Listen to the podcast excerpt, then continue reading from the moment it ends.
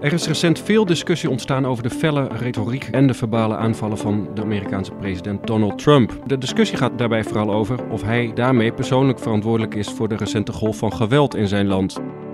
Het gebeurt niet alleen in de Verenigde Staten. Er lijkt wereldwijd een klimaat van haat aan het ontstaan. En daarbij is er steeds minder ruimte voor voorzichtige en pragmatische politici. En dat is een slechte ontwikkeling. Wanneer in de politiek alleen maar oog is voor het oproepen en versterken van tegenstellingen, laten instabiele burgers zich soms gemakkelijk meeslepen. Met doden tot gevolg. Dat was Robert de Wit met de kern van zijn commentaar van deze week over het klimaat van haat dat om zich heen grijpt. U luistert naar een podcast van Elsweer Weekblad, waar we wekelijks de feiten bespreken bij één van de commentaren. Mijn naam is Vincent Andriessen. Robert, je gaf al aan dat klimaat van haat is wereldwijd. Niet alleen de VS heeft daar last van, toch?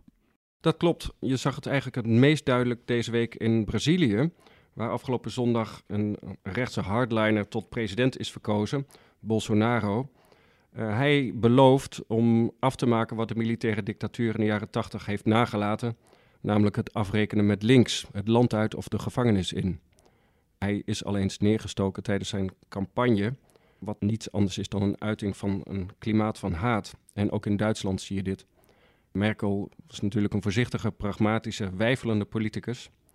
Maar de haat in haar land tegen Merkel is inmiddels zo groot, Frankfurt Allgemeine vergeleken met de haat tegen Hillary Clinton in de Verenigde Staten. Als zij in Oost-Duitsland kwam en zij sprak het publiek toe, dan werd ze onthaald met de leuze verrader, verrader. En de rechtse AFD heeft haar natuurlijk ook al vaker een dictator genoemd en Stasi Angela, een verwijzing naar de geheime dienst tijdens de DDR. Dat is Duitsland, Brazilië. Maar ook in ons eigen land speelt dit een rol. Uh, ik begreep dat Piet Hein Donner, die afscheid uh, neemt als vicepresident van de Raad van State, ook heeft aangegeven dat we moeten waken voor een dergelijk klimaat in Nederland.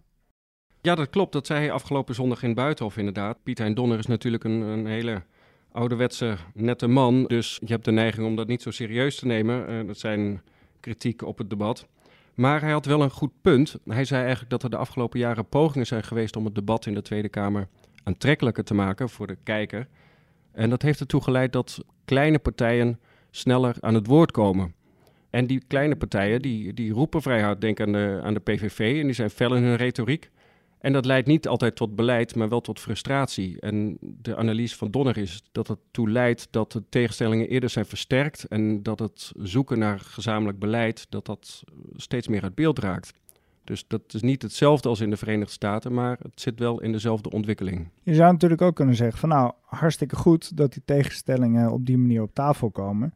Want dan kun je ook als kiezer duidelijker stelling nemen. Dan, dan weet je wat er te kiezen valt. Absoluut. Je kunt ook zeggen dat bepaalde onderwerpen niet aan bod zijn gekomen in de Tweede Kamer. Uh, duidelijkst is er natuurlijk met immigratie en integratie. En eigenlijk moeten alle stemmen moeten aan bod komen in de Tweede Kamer, aangezien het natuurlijk de volksvertegenwoordiging is. Maar als kleine partijen wel het woord krijgen, maar niet hun zin, dan leidt dat soms tot frustratie, ook bij hun aanhangers. En sommige partijen hebben er ook een handje van om dan in de slachtofferrol te kruipen en juist dat gevoel aan te wakkeren.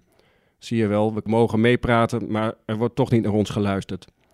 En als je dan voortdurend je tegenstanders eigenlijk zwart maakt of in de hoek zet, dan moet je niet verbaasd zijn dat er ook eens een keer een aanhanger denkt: misschien moet ik zelf maar het recht in eigen hand nemen. En dat is toch wat je in de Verenigde Staten ziet. Ja.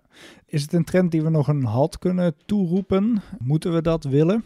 Dat is vrij lastig. Je kunt moeilijk tegen politici zeggen: matig je toon een beetje. Het is ook logisch dat je in campagnetijd dat je daarin de tegenstellingen versterkt. Je moet immers jezelf kunnen onderscheiden van je, van je opponent en van andere partijen, van andere politici. Maar die campagnetijd die lijkt nu, zeker in de Verenigde Staten, maar ook in landen als Brazilië en Duitsland misschien, die lijkt permanent te zijn. En als je voortdurend doorgaat met persoonlijke aanvallen op je tegenstander, ja, dan moet je dus niet verbaasd zijn dat er eens een keer iemand naar de wapens grijpt. En dat is toch zorgelijk. Dus ik zou zeggen, persoonlijke aanvallen zijn wat anders dan inhoudelijke aanvallen. Hartelijk dank voor jouw uh, toelichting, Robert. Uh, jij blijft ontwikkelingen in het uh, maatschappelijke debat wereldwijd natuurlijk voor ons volgen voor Elsevier Weekblad.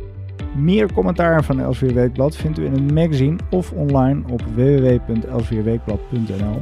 Mijn naam is Vincent Andriessen en ik dank u hartelijk voor het luisteren naar deze podcast van Elsevier Weekblad.